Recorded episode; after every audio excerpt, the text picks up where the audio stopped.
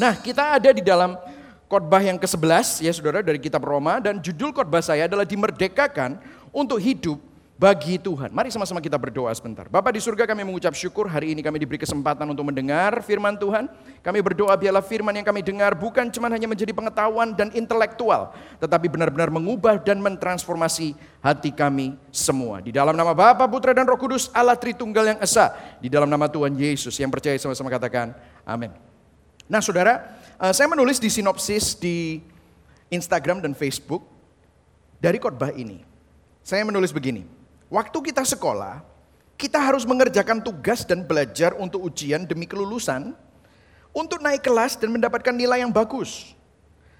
Tetapi, apakah kita akan tetap mengerjakan tugas dan belajar apabila ternyata di awal tahun sebelum saudara ikutan kelasnya, sudah dikasih jaminan bahwa kita pasti lulus dan naik kelas. Gimana coba saudara? Saya dulu pernah jadi youth pastor, saya pernah jadi youth pastor selama kurang lebih 5-6 tahun saudara di Los Angeles. Saya pernah tanya ini sama teman-teman yang masih muda-muda, high schooler, ya, anak-anak SMA, anak-anak SMP. Uh, terus kemudian saya tanya, kalau kamu masuk ke kelas dan di kelas itu dikasih tahu kamu pasti naik kelas, kamu pasti lulus dan kamu pasti dapat nilai A. Tapi of course kamu harus dengerin uh, bukan khotbah ya, kuliahnya, lecture, kamu harus ngerjain tugas. Kira-kira kamu pasti ngerjain atau enggak? Ya of course, mayoritas ngomong apa? Enggak, gitu saudara ya. ya saudara. Saudara gimana?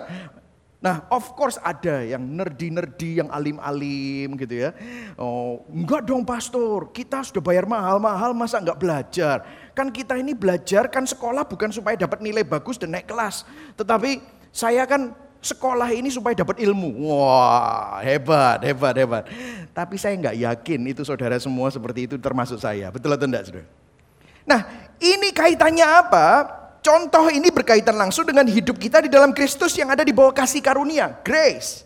Kalau saudara dan saya tahu bahwa di dalam Kristus kita semua pasti akan diselamatkan dan saudara dan saya tidak masuk neraka, saudara dan saya diampuni dosanya, saudara dan saya mendapatkan hidup yang kekal.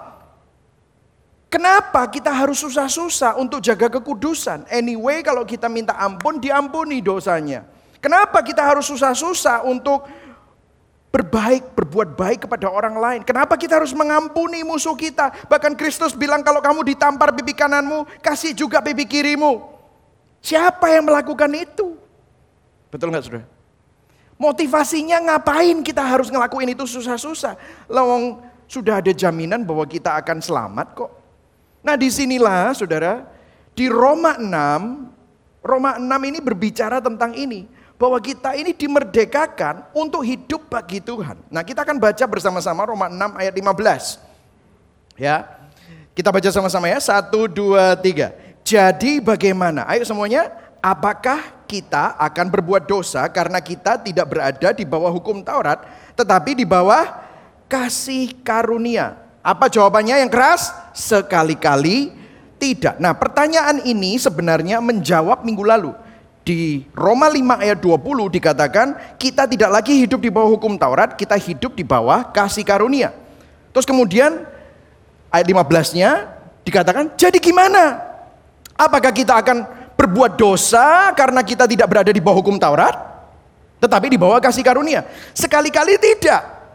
Nah kalau saudara ingat minggu lalu di Roma 6 ayat 1 itu juga dikatakan begini kan, mirip sekali, tetapi sebenarnya dua nuansa yang berbeda. Bedanya nanti saya akan jelaskan kepada saudara. Jika demikian, apakah yang hendak kita katakan? Bolehkah kita bertekun dalam dosa supaya semakin bertambah kasih karunia? Nah ini banyak orang itu salah kaprah tentang anugerah, grace. Ya kan? Loh kok sama ya? Ayat 1 ngomong begitu, ayat 15 ngomong begitu. Loh, Rasul Paulus ini redundant ya? Diulang ya? Ayat 1 ngomong itu, Jawabannya sekali-kali tidak, ayat 15 ngomong itu juga. Nah, saya akan jelaskan kepada saudara. Waktu saudara baca buku Roma, buku Roma itu, kitab Roma itu adalah surat kepada jemaat di Roma. Saya sudah pernah jelaskan. Ada jemaat yang orang Yahudi yang jadi Kristen yang mempertahankan hukum Taurat, sunat, dan memaksakan sunat dan hukum Taurat itu kepada orang-orang yang Yunani dan Romawi yang jadi Kristen.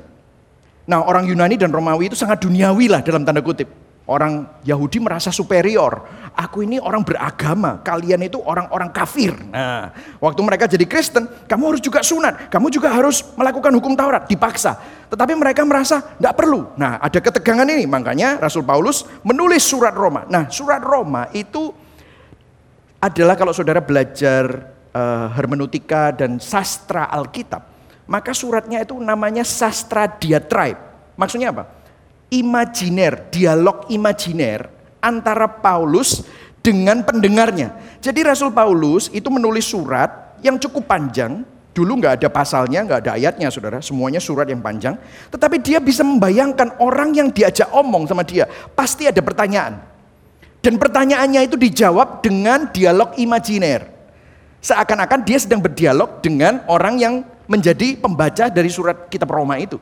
Makanya jika demikian, apakah yang tidak kita katakan? Bolehkah kita bertekun dalam dosa supaya semakin bertambah kasih karunia itu? Minggu lalu kita sudah belajar itu. Minggu lalu kita sudah belajar. Sudah lihat di papan ini ya. Bagaimana banyak orang Kristen itu salah kaprah tentang kekristenan. Kalau kita lihat, banyak orang berpikir bahwa Tuhan itu Tuhan yang legalisme. Yang menjadi fokusnya adalah kekudusan Tuhan. Makanya untuk melawan dosa dikasih peraturan supaya kamu nggak masuk neraka, supaya kamu uh, tidak kena kutuk, supaya kamu tidak dihukum Tuhan, dikasih peraturan. Tetapi mungkin ada yang merasa, oh kalau dikasih peraturan itu mungkin uh, negative reinforcement. Makanya supaya orang itu bisa melawan dosa, dikasih iming-iming aja. Mau nggak supaya kamu bertobat, uh, mengalami berkat Tuhan, mengalami mujizat, mengalami kebaikan Tuhan, kita harus melakukan ini, melakukan ini. Jadi ibadah mereka sebenarnya bukan karena cinta Tuhan, tetapi mereka menggunakan Tuhan dengan melakukan ini semua, mereka sebenarnya cinta diri sendiri. Dan kalau mereka bertobat, itu bertobat tentang hal-hal yang mungkin kayak judi, berzina, tetapi kalau dia melakukan hal-hal yang rohani, mereka jadi sombong. Akhirnya bukan semakin berubah, tetapi kesombongan rohani. Ada orang yang kelihatannya begitu agamawi, rohani, tetapi suka menghakimi orang, suka merendahkan orang, bahkan lagaknya sombong sekali. Nah, ini legalisme. Tetapi begitu juga selanjutnya liberalisme mereka melihat bahwa Tuhan itu kasih. Oh ndak usah berubah. Oh ndak usah uh, bertobat. Kan anyway kita sudah minta ampun. Nah banyak orang hidup bahkan di dalam dua-duanya. Dia melakukan agamawi pas lagi jatuh dalam dosa dia liberalisme. Oh ya sudah kita tinggal minta ampun saja. Padahal Injil itu tidak seperti itu. Tetapi Injil itu adalah Tuhan yang kasih dan yang kudus. Dan dia menegakkan kedua-duanya melalui karya salibnya. Dan melalui anugerahnya. Dan saudara dan saya yang sudah menerima anugerah, jadi kalau orang yang ada di dalam anugerah itu, kita bukan harus begini, harus kudus supaya diberkati. No, tetapi Tuhan sudah lebih dulu melakukan segala-galanya supaya bukan supaya maka kita bisa maka kita nah ini adalah Injil Nah kita belajar minggu lalu untuk menjawab ini. Nah bedanya apa sama yang ayat 15 yang baru kita baca? Bedanya minggu lalu adalah gini, motivasi untuk tidak hidup di dalam belenggu dosa. Cara hidup yang lama harus kita tinggalkan. Kita tinggalkan itu. Nah yang ini terus bagaimana? Apakah kita akan berbuat dosa karena kita tidak berada di bawah hukum Taurat tetapi di bawah kasih karunia sekali-kali tidak. Ini apa? Ini bicara tentang motivasi untuk hidup dalam kebenaran bagi Tuhan, cara hidup yang baru. Jadi begini saudara, banyak orang Kristen, mungkin mereka bilang, aku ini sudah nggak dosa lagi, aku udah mau hidup di dalam kegelapan. Tetapi mereka juga nggak ngapa-ngapain. Mereka jadi orang Kristen jemaat biasa. Pokoknya aku melakukan kewajibanku bare minimum, anyway aku lulus naik kelas toh, naik masuk surga, ya udah. Kita tunggu aja sampai kita dipanggil Tuhan. Itu yang terjadi banyak orang. Nah hari ini kita akan belajar bagaimana Rasul Paulus ingin mengingatkan kita, motivasi kita dalam hidup ini bukan cuma hanya nggak berdosa, tetapi hidup dalam kebenaran bagi Tuhan. Yang setuju katakan amin. Amin saudara. Saudara nggak bisa jadi orang Kristen itu netral, nggak bisa. Nah kita akan lihat sama-sama selanjutnya ya. Jadi begini saudara, ayat 16a dikatakan, dia memakai sebuah ilustrasi. Dan ilustrasi ini menurut saya sangat brilian. Dia bilang gini, apakah kamu tidak tahu bahwa apabila kamu menyerahkan dirimu kepada seseorang sebagai hamba untuk mentaatinya, kamu adalah hamba orang itu yang harus kamu taati. Jadi saudara, Rasul Paulus langsung mau bicara bahwa di dalam dunia ada dua macam perhambaan. Nah saudara akan baca nanti, ada hamba dosa atau hamba kebenaran. Tidak ada hamba netral, nggak bisa. Nggak bisa. Hamba dosa atau hamba kebenaran. Hamba setan atau hamba Kristus. Begitu juga saudara, seorang penyembah, manusia itu pasti menyembah. Kalau kamu tidak menyembah Tuhan, maka kamu menyembah sesuatu yang lain. Apakah itu uangmu? Apakah itu prestasimu seperti tadi kesaksian Maria Eleonora untuk mendapatkan penghargaan, untuk mendapatkan pengakuan orang. Itu berhala, Saudara. Karena sebenarnya penghargaan Tuhan untuk hidup saudara adalah yang paling berharga. Tidak perlu penghargaan orang. Betul atau tidak, saudara? Pengakuan Tuhan yang dulu kita ini musuh Allah, sekarang menjadi anak Allah, itu adalah cukup. Kenapa kamu harus minta diakui oleh orang? Begitu kita hidup untuk pengakuan orang. You heard me minggu lalu, we spend money we don't have to impress people we don't like. ya kan? Kita menghabiskan uang yang kita tidak punya utangan untuk beli barang-barang mahal supaya kita dikagumi atau dianggap dan diakui oleh orang-orang yang sebenarnya kita juga nggak suka. Supaya apa? Harga diriku naik. Menyedihkan loh hidup seperti itu. Betul nggak? Bukankah itu hidup yang menyedihkan? Bukankah sebenarnya Tuhan itu cukup buat kita? Itu dua macam perhambaan. Apakah kita itu hidup di dalam dosa ataukah kita hidup bagi kemuliaan Tuhan, soli deo gloria. Tidak bisa di tengah-tengah. Jadi orang Kristen nggak bisa netral. Orang Kristen tuh nggak bisa nggak hitam dan nggak putih. Repot saudara. Jadi saya mau kasih tahu kepada saudara di dalam dunia ada dua macam perhambaan. Kemudian saya akan mulai dulu dengan hamba dosa. Karena ini dia tribe ya, dialog imajiner. Saya akan ambil yang dosa dulu, kemudian nanti saya akan ambil yang kebenaran. Oke saudara ya, kita akan mulai dengan dosa. Nah, dikatakan begini. Baik dalam dosa yang memimpin kamu kepada kematian, maupun dalam ketaatan yang memimpin kamu kepada kebenaran. Tetapi syukurlah kepada Allah, dahulu kamu hamba dosa. Bahasa aslinya adalah duloi tes hamartias. Duloi itu dulos. Jadi kita ini slave. Hamba dosa di luar Kristus itu hamba dosa. Nah, hamartia, ya Saudara, dengarkan saya. Hamartia itu artinya meleset dari sasaran. Saudara yang sudah belajar APS, Saudara ngerti tentang ini. Artinya apa? Ibarat suatu target memanah atau menembak jika tembakan tidak tepat mengenai pusat sasaran target berarti meleset. Inilah hamartia yang dinamakan dosa. Demikian juga dengan setiap orang kalau kita dituntut untuk memiliki standar kesucian seperti Bapa di surga yang sempurna. Kalau kehidupan kita belum seperti itu, maka kita sudah berdosa di hadapan Tuhan. Jika kehidupan kita belum seperti Yesus sempurna, itu berarti kita belum sesuai dengan kehendaknya. Dan kita sudah berdosa, hamartia. Kalau kita ngomong kayak gitu, siapa yang bisa mengikutinya? Saudara dan saya semua luput dari sasaran. Betul ya saudara? Kita semua luput dari sasaran. Dan yang menarik saudara, ini kalau saudara belajar word study dari uh, Greek Yunani, kata benda ini memiliki gender feminim. Jadi Rasul Paulus menyoroti aspek gender. Dosa itu memiliki sisi feminim. Apa artinya? Dosa itu memiliki sisi kemanisan, kenikmatan, keindahan, mempesona, menggiurkan, dan masih banyak lagi. Gak heran kita itu seneng sama dosa. Kenapa? Karena ini loh ada sisi feminimnya. Dan di sinilah yang menjebak manusia untuk berbuat dosa. Karena dosa ini memang nikmat. Tetapi waktu kita hidup di dalam kenikmatan dosa. Tahukah saudara dosa itu sebenarnya membelenggu dan memperbudak. Ada sebuah perkataan that sin always takes you longer than you wanna go and always cost you more than you want to pay. Dosa itu selalu bawa kamu ke tempat yang kamu nggak mau pergi mestinya. Tapi kamu terikat olehnya. Dan kamu harus bayar harga yang mahal padahal kamu nggak mau bayar itu. Kelihatannya enak sebentar. tetapi akhirnya mengikat dan memperbudak.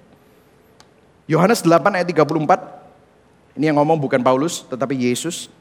Paulus mengutip Yesus, dikatakan begini, ayo baca sama-sama. Satu, dua, tiga. Aku berkata kepadamu semuanya, sesungguhnya setiap orang yang berbuat dosa adalah hamba dosa. Wow, sudah lihat ini ya. Yesus yang ngomong. Nah apa yang dosa lakukan? Nah ini yang terjadi saudara. Kita lihat ya, apa yang dosa lakukan. Ayat 19a. Aku mengatakan hal ini secara manusia karena kelemahan kamu. Kita semua orang yang lemah. Sebab sama seperti kamu telah menyerahkan anggota-anggota tubuhmu menjadi hamba kecemaran dan kedurhakaan yang membawa kamu kepada kedurhakaan. Jadi begini saudara, dengarkan. Bagi saudara yang online, lihat saya. Orang yang menghamba kepada dosa adalah orang-orang yang takluk kepada dosa itu tidak berdaya terhadap dosa itu tunduk pada otoritas dosa. Kenapa? Karena Anda dan saya yang hidup dalam perbudakan, kita tidak berdaya. Kita menyerahkan segala sesuatu kepada dosa. Kita mau hidup baik juga nggak bisa. Kenapa? Karena terikat, saudara. Saudara saya selama semingguan ini setelah saya cerita tentang ini minggu lalu ya. Jadi rupanya uh, sama multimedia kita itu dibikin recap ya saudara. Recap uh, khotbah yang isinya poin-poin penting ya saudara ya. Itu cuma 3-4 menit gitu ya. Dan dimasukkan di Facebook, di Youtube, di mana? Instagram. Dan yang nonton itu sudah puluhan ribu saudara.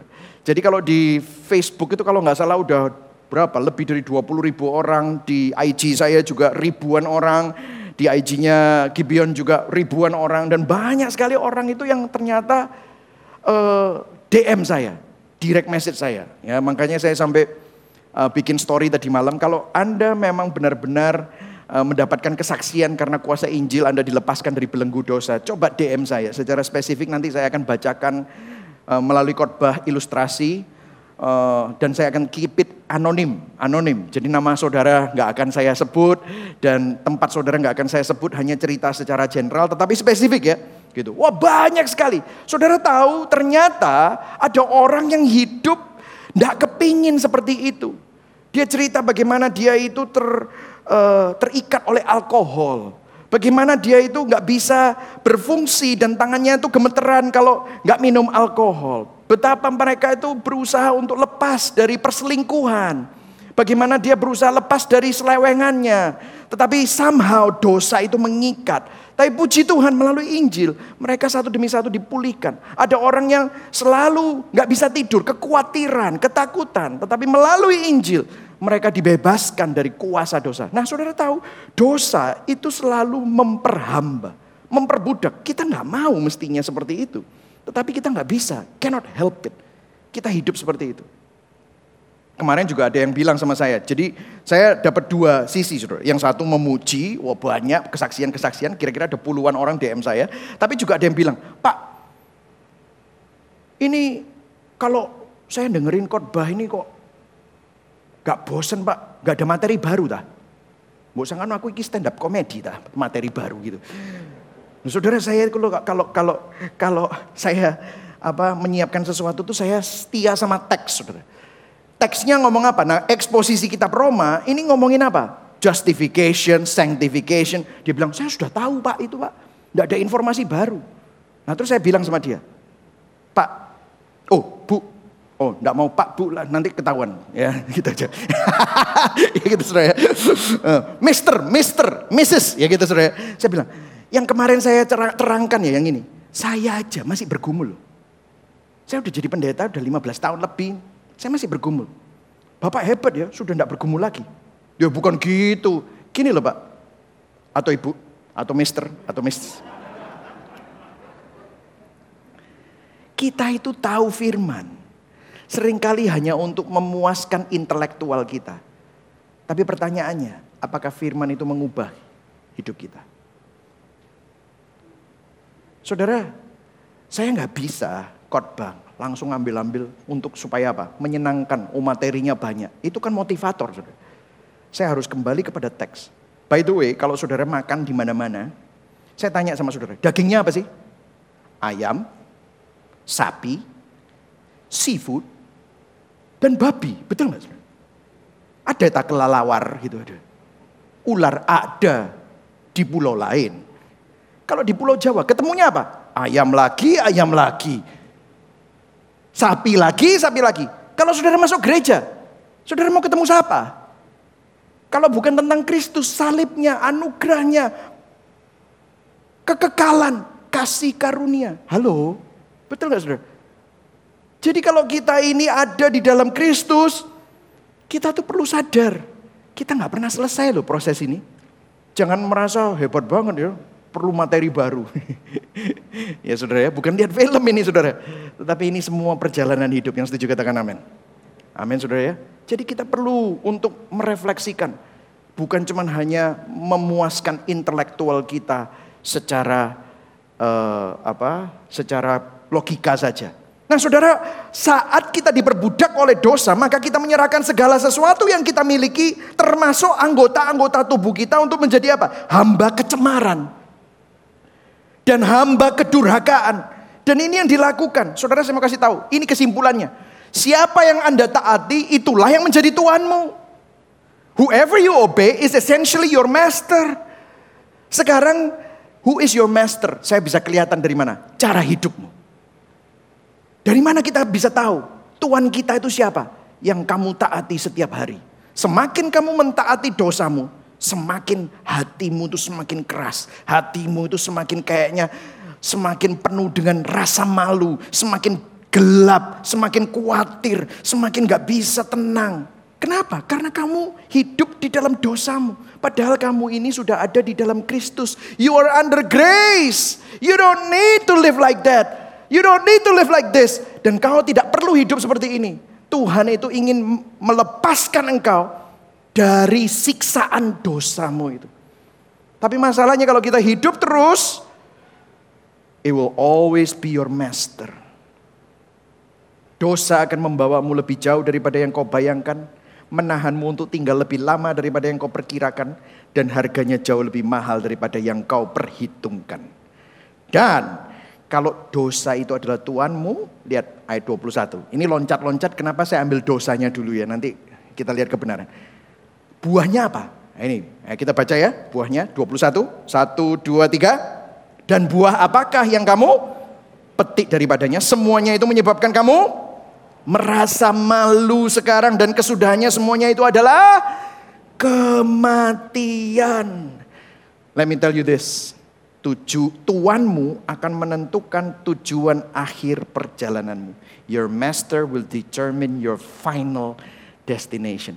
Saudara, orang yang memanfaatkan, abuse, menyalahgunakan kasih karunia Tuhan. Saya mempertanyakan keselamatannya. Betul atau enggak sih dia selamat? Jangan-jangan dia cuma hanya beragama. Saya mau kasih tahu, orang Kristen itu belum tentu selamat. Uh, tenang, jangan lempari saya batu. Orang lahir baru pasti selamat. Karena orang Kristen belum tentu lahir baru. Karena orang Kristen banyak yang cuma hanya beragama. KTP-nya Kristen. Tetapi kalau orang yang lahir baru, dia akan menghargai salib Kristus. Dia akan hidup menghargai anugerah kasih karunia Tuhan. Saya pernah ambil apa kasih ilustrasi. Kalau saudara punya mobil, mobil itu mahal. Saudara asuransikan full coverage, all risk. Saya kan pernah ngomong ini ya. Terus saudara pakai mobil itu. Terus saudara lihat, uh becak, becak, becak. Ayo serempet. Gak apa-apa.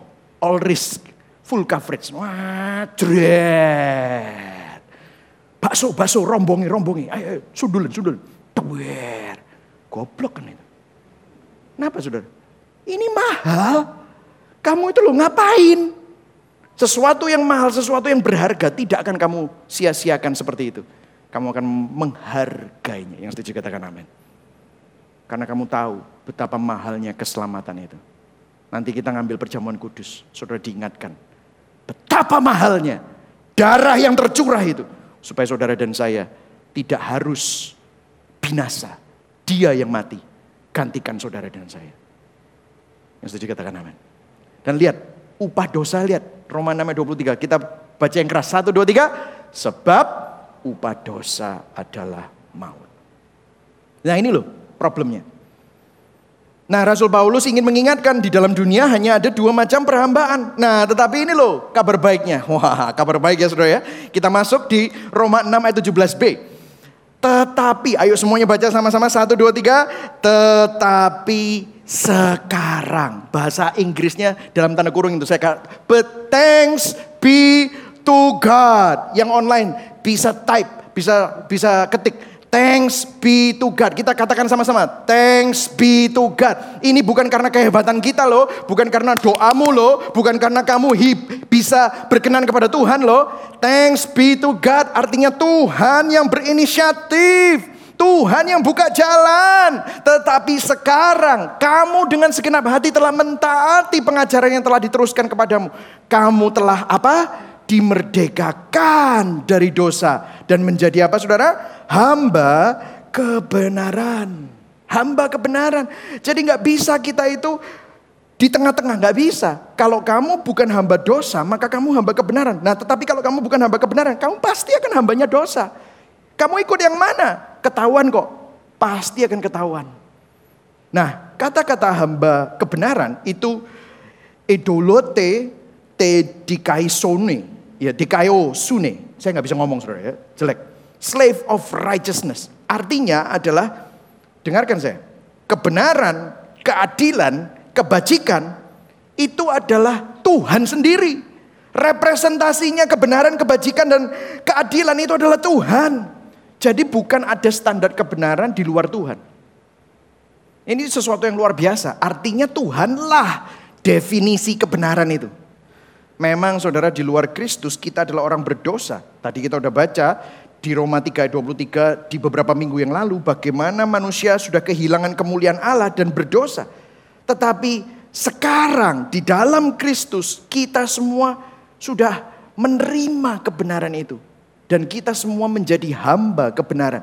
Kita dimerdekakan dari dosa. Kita menjadi hamba Tuhan. Katakan sama-sama, saya hamba Tuhan. Amin saudara. Saudara bukan cuma hanya anak Tuhan. Memang saudara anak Tuhan. Tetapi saudara juga hamba Tuhan dan kita menjadi hamba kebenaran. Dan lihat, Yohanes tadi kan Yesus bilang di Yohanes 8 ayat 34. Nah, ini Yohanes 8 ayat 31 sampai 32. Lihat. Kita baca sama-sama. Saya bacakan buat saudara. Jikalau kamu tetap di dalam firmanku, kamu benar-benar adalah muridku. Nah, ini yang menarik, ayat 32. Dan kamu akan mengetahui kebenaran. Bahasa aslinya bukan mengetahui, tetapi ginosko yang artinya mengenal secara intim kebenaran dan kebenaran itu akan memerdekakan kamu. Nah ginosko itu bicara tentang seseorang, mengenal seseorang. Kayak misalnya saya mengenal istri saya Novi. Sangat intim. Oh, because what? She is my wife. Dia adalah istri saya. Jadi saya mencintai dia. Nah ginosko itu dipakai. Adam ginosko Hawa. Maka mereka punya anak. Lah kita ini disuruh ginosko kebenaran. Lo kebenaran itu kalau buku, bagaimana kita bisa mengenal kebenaran secara intim? Bagaimana kita bisa mengenal Undang-Undang Dasar 45 secara personal? Nggak bisa. Kenapa? Karena kebenaran di sini bicara tentang siapa. Yesus bilang apa? Akulah jalan, kebenaran, dan hidup. Jadi gini ya, dengarkan saya, ini banyak orang salah kaprah. Yesus bukan bilang gini, aku tahu jalan, kalau ngomong tadi tentang Eleonora Maria, aku tahu jalan ke Nongko Jajar. Saudara bukan jalannya, saudara penunjuk jalan. Tetapi Yesus bilang apa? Dia bukan penunjuk jalan, akulah jalan. Artinya apa? Kalau kamu mau ketemu sama Bapak di surga, bukan aku nunjukin jalan, aku jalannya. Kemudian bilang apa? Akulah jalan, akulah kebenaran. Jadi bukan gini loh aku jalan menuju kebenaran. No. Akulah jalan, koma, kebenaran. Dia ngomong apa? Kalau kamu pengen tahu kebenaran, akulah sang kebenaran. Dan dia juga bilang apa? Akulah jalan, akulah kebenaran, akulah hidup. Dia bukan gini. Aku tahu jalan kepada kehidupan. No, no, no, no, no. Dengarkan saya. Ini kesalahpahaman banyak orang Kristen. Karena kalau dia cuma jalan menuju kebenaran dan kehidupan, dia cuma role model. Dia cuma apa? Seorang apa? panutan. Tetapi dia bilang, jalan, kebenaran, sang kehidupan. Implikasinya luar biasa saudara. Bayangkan, coba bayangkan. Sang kehidupan rela mati untuk Anda. Sang kehidupan rela disalib. Supaya kita yang mati rohani mendapatkan kehidupan. Itulah Injil. Berikan tepuk tangan buat Tuhan. Itu yang Yesus lakukan. Amin saudara. Amin saudara. Ini luar biasa. Jadi begini saudara. Kesimpulannya. kebenaran bukan teori yang dipelajari. Tetapi kebenaran adalah pribadi yang perlu kita kenal. Yang setuju katakan, amin. Kita baca sama-sama yuk. Satu, dua, tiga. Katakan kepada dirimu ya. Satu, dua, tiga. Kebenaran bukan teori yang dipelajari. Tapi pribadi yang perlu kita kenal. Dan saudara tahu, kalau saudara menjadi hamba kebenaran, karena kebenaran itu Kristus, Anda jadi hambanya Kristus. Saudara, dari tadi Rasul Paulus itu membuat kontras hamba dosa dan hamba kebenaran. Mungkin saudara di dalam pikiran saudara bilang gini, aku nggak seneng kata-kata hamba-hamba itu. Mungkin saudara merasa bahwa saudara ini bos. Saudara tidak mau terikat oleh apa pun. Saya mau kasih tahu kepada saudara ya. Saudara nggak bisa milih. Kalau saudara kerja sama orang, saya, saya kasih pertanyaannya. Kalau saudara kerja sama orang, apakah saudara bebas untuk menentukan apa yang mau saudara kerjakan? Saudara kalau kerja sama orang atau kerja sama sebuah perusahaan, ada yang namanya job description. Betul ya saudara? Ada target, ada KPI, Key Performance Index, yang menunjukkan bahwa bagaimana kamu dievaluasi setiap enam bulan dan satu tahun. Dalam hidup kita, kita nggak bisa mengelak dari pengabdian kita ini kepada siapa? Karena kita ini semua adalah orang-orang yang ada di dalam ruang dan waktu. Dan kita ini kalau misalnya ikut sama dosa, maka kita ini akan jadi hambanya dosa. Kita nggak bebas. Tetapi waktu kita dimerdekakan, kita mempunyai kemampuan untuk berkata tidak kepada dosa dan melakukan yang benar. Saya mau kasih tahu ya, mungkin saudara nggak suka kata hamba, tapi saya mau kasih tahu bahwa menjadi hamba Tuhan adalah satu-satunya perhambaan yang akan memberikan kemerdekaan yang sejati. Ada beberapa apa namanya dm yang masuk itu ngasih tahu saya, Pak, saya ini terikat dengan pornografi bertahun-tahun.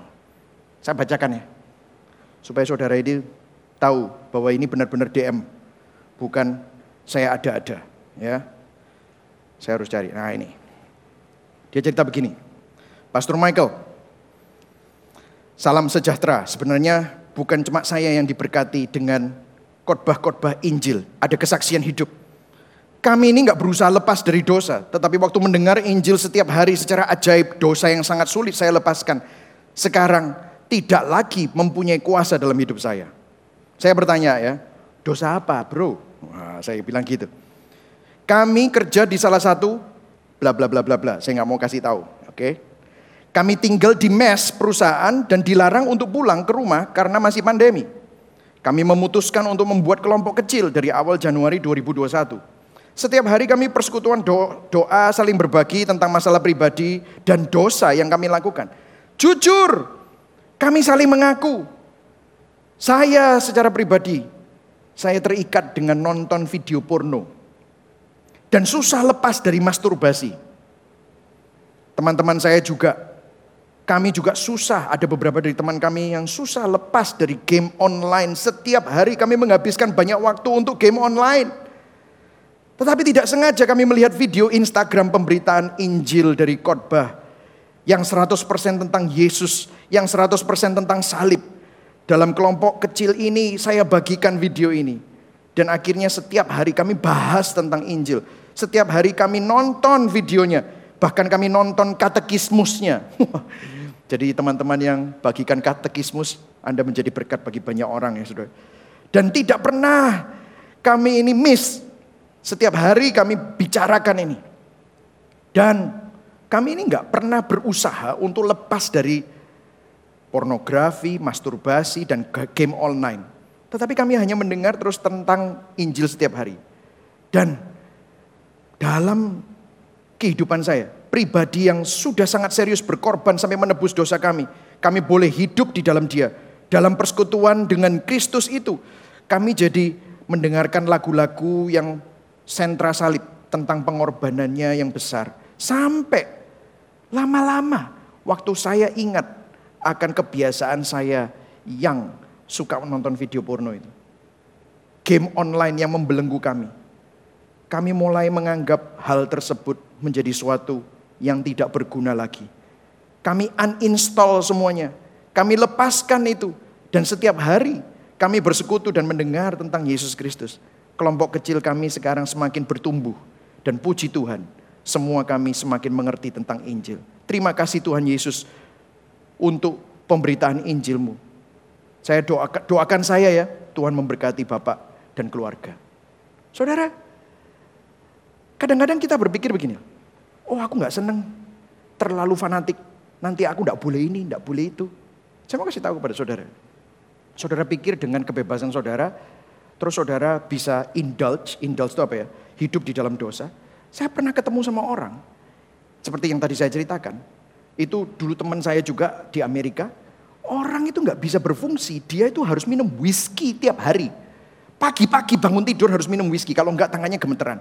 Di pekerjaan dia bawa botol kecil, kelihatannya kayak botol isinya air, botol minum dibuka.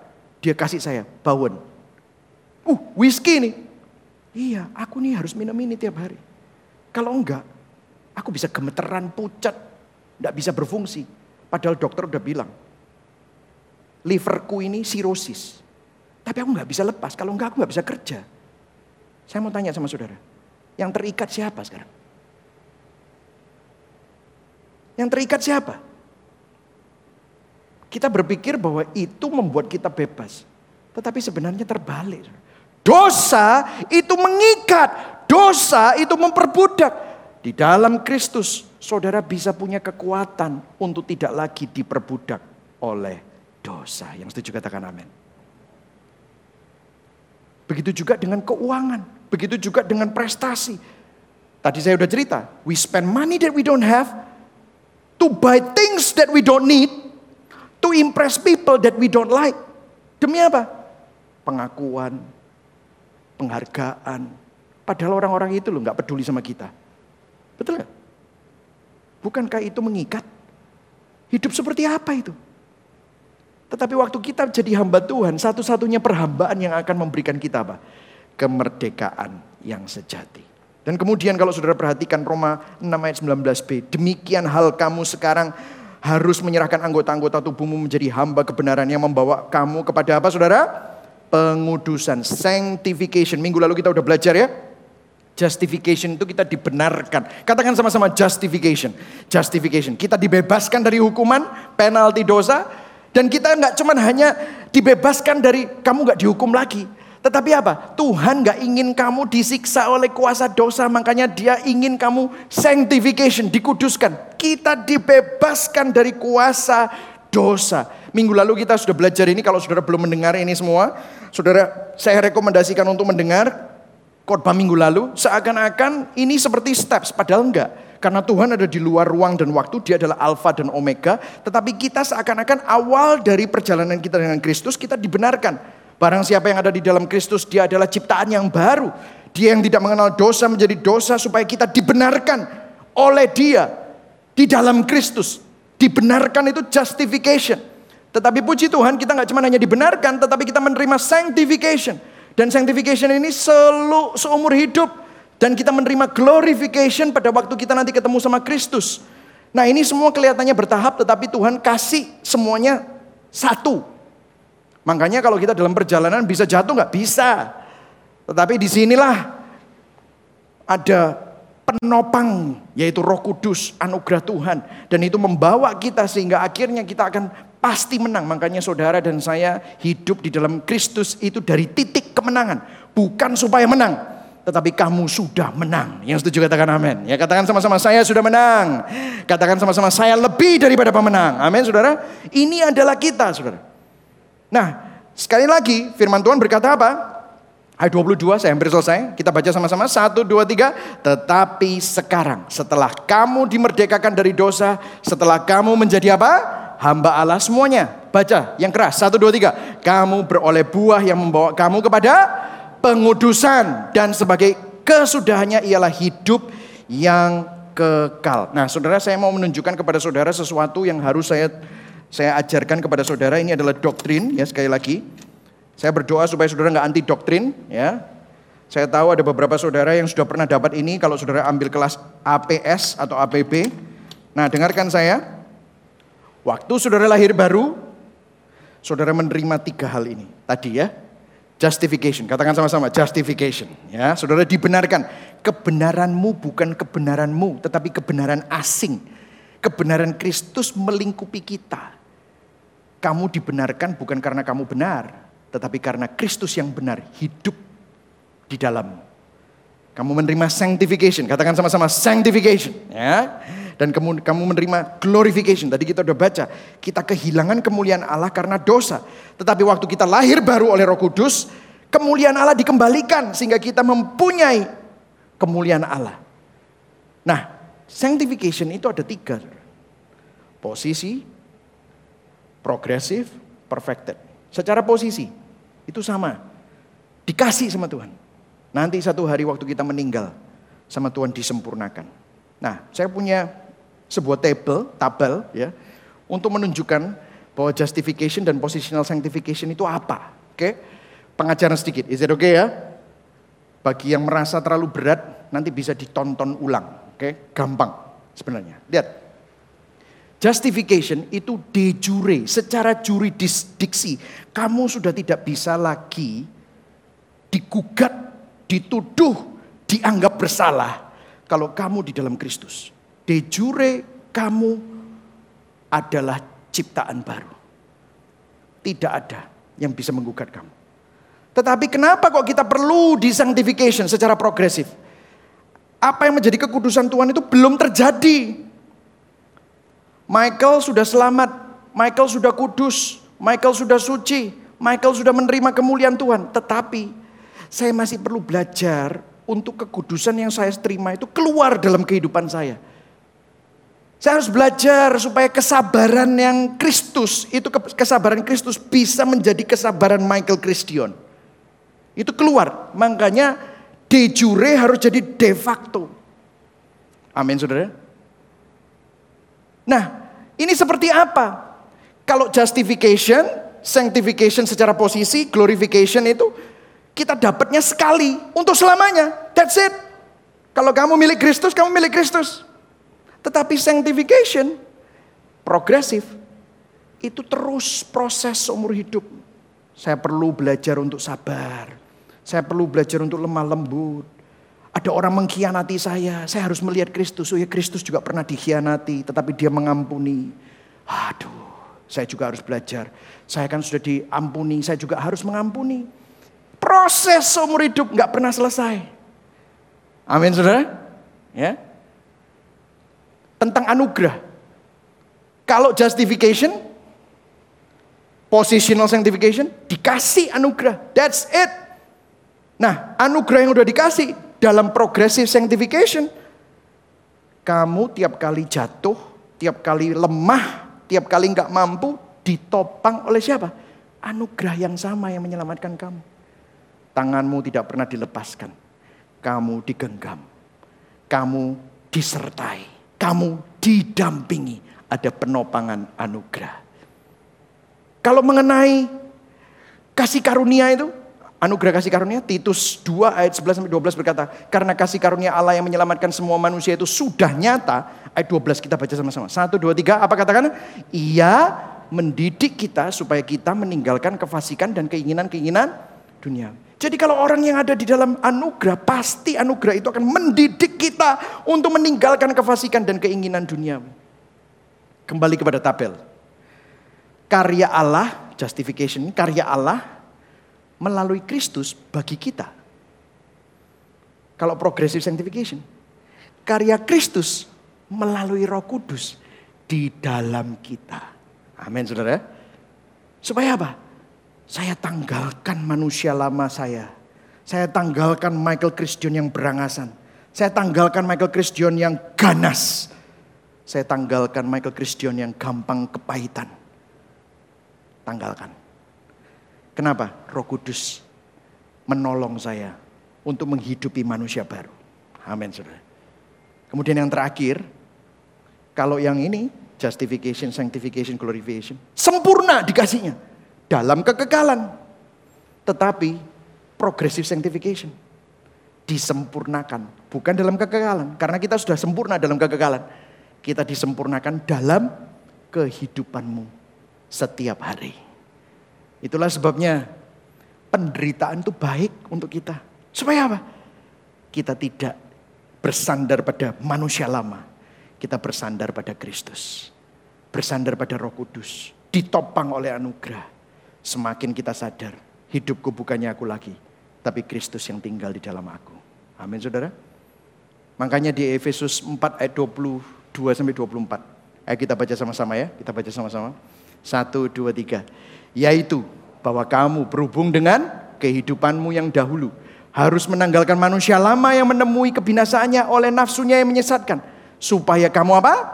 Dibarui di dalam roh dan pikiranmu. Dan mengenakan manusia baru yang tidak diciptakan menurut kehendak Allah di dalam kebenaran.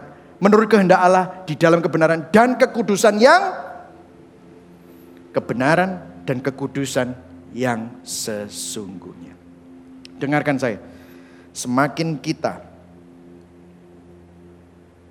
mentaati, mendengarkan, mengikuti firman Roh Kudus ditopang oleh anugerah, hatimu semakin lembut.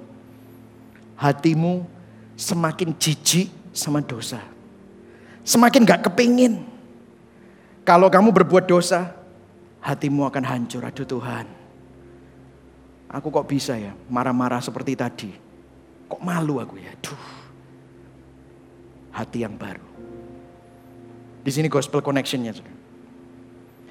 Gospel connection-nya kan dikatakan begini kan. Di ayat yang paling akhir.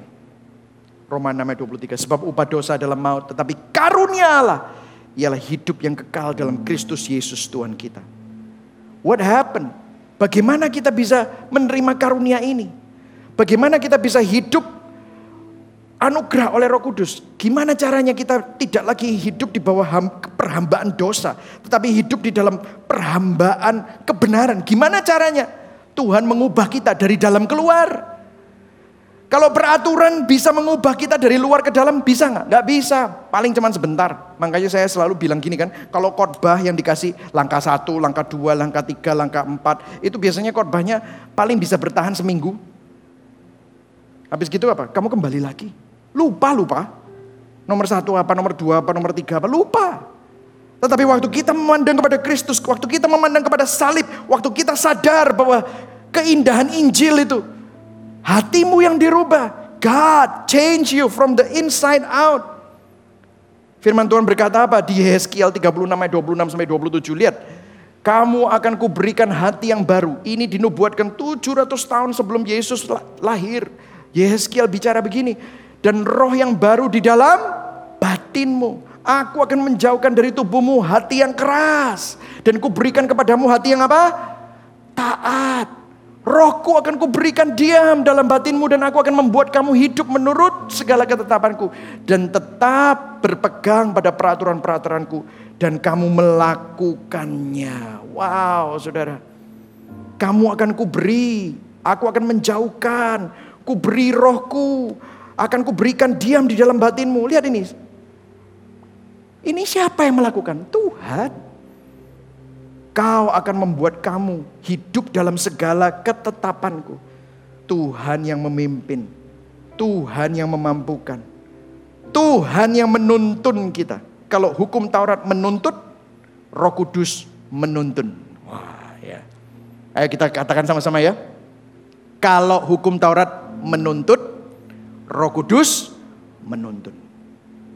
Ini yang dilakukan Semakin kau dengarkan firman, semakin kau dengarkan suara Roh Kudus, semakin hatimu menjadi hamba kebenaran. Semakin hatimu semakin lembut, semakin kamu bukan lagi diperhamba, diperbudak oleh dosa. Kamu hidup untuk kemuliaan Tuhan.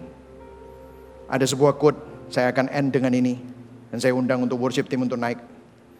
The Lord knows very well that you cannot change your own heart and cannot cleanse your own nature. But he also knows that he can do both. Tuhan sangat tahu bahwa kita tidak bisa mengganti hati kita. Dan tidak bisa menyucikan dan menguduskan natur diri kita. Tetapi Tuhan juga tahu bahwa hanya Tuhan yang bisa melakukan dua-duanya. Makanya saudara dan saya dikasih hati yang baru. Saudara dan saya dikasih natur yang baru. Amin saudara. Berikan tepuk tangan buat Tuhan kita. Amin. Boleh saya kasih satu kesaksian lagi saudara? Saya ada satu kesaksian lagi. Sama juga. DM-an. Saya akan kasih kepada saudara. Sebelum kita masuk ke dalam perjamuan kudus ya pendek. Pastor saya mau bercerita bagaimana melalui kuasa Injil saya dilepaskan dari kuasa dosa. Lagi-lagi pornografi, saudara. Saya terikat oleh pornografi sejak saya masih SMA. Saya benar-benar terikat dan tidak bisa lepas dari dosa ini.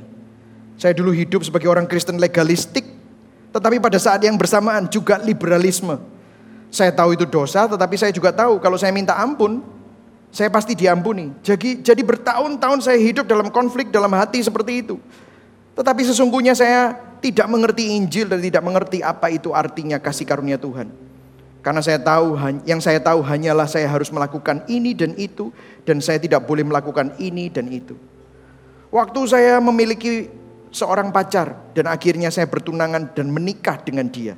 Saat ini saya sudah menikah dengan istri saya tujuh tahun dan saya memiliki dua anak.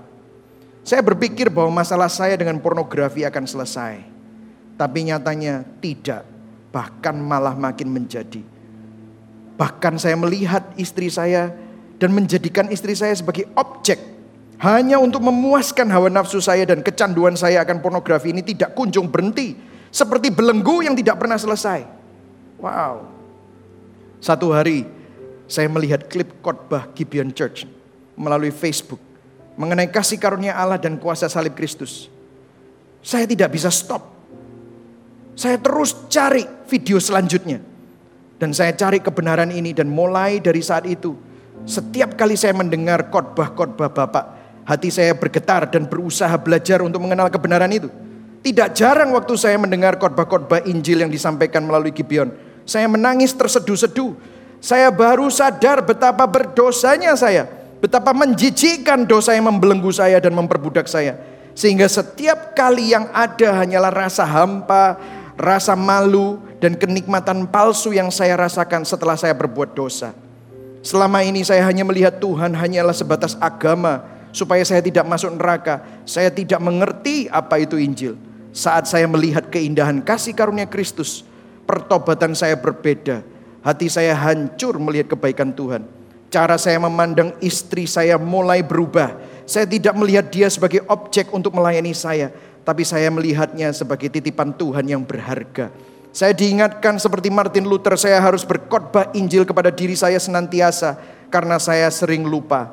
Perjalanan saya nggak sempurna Pak, tetapi saya suka oleh slogan Gibeon, bukan tempat untuk orang sempurna. Itu diulang-ulang supaya saya jemaat online ingat bahwa kita disempurnakan oleh karya Kristus. Sudah setahun lebih saya mengikuti khotbah berseri Gibeon Church keinginan saya akan pornografi dan pikiran kotor saya sedikit demi sedikit berlarut-larut hilang. Bahkan tidak ada, setiap kali tergoda ada rasa muak dan jijik terhadap cara hidup yang dahulu.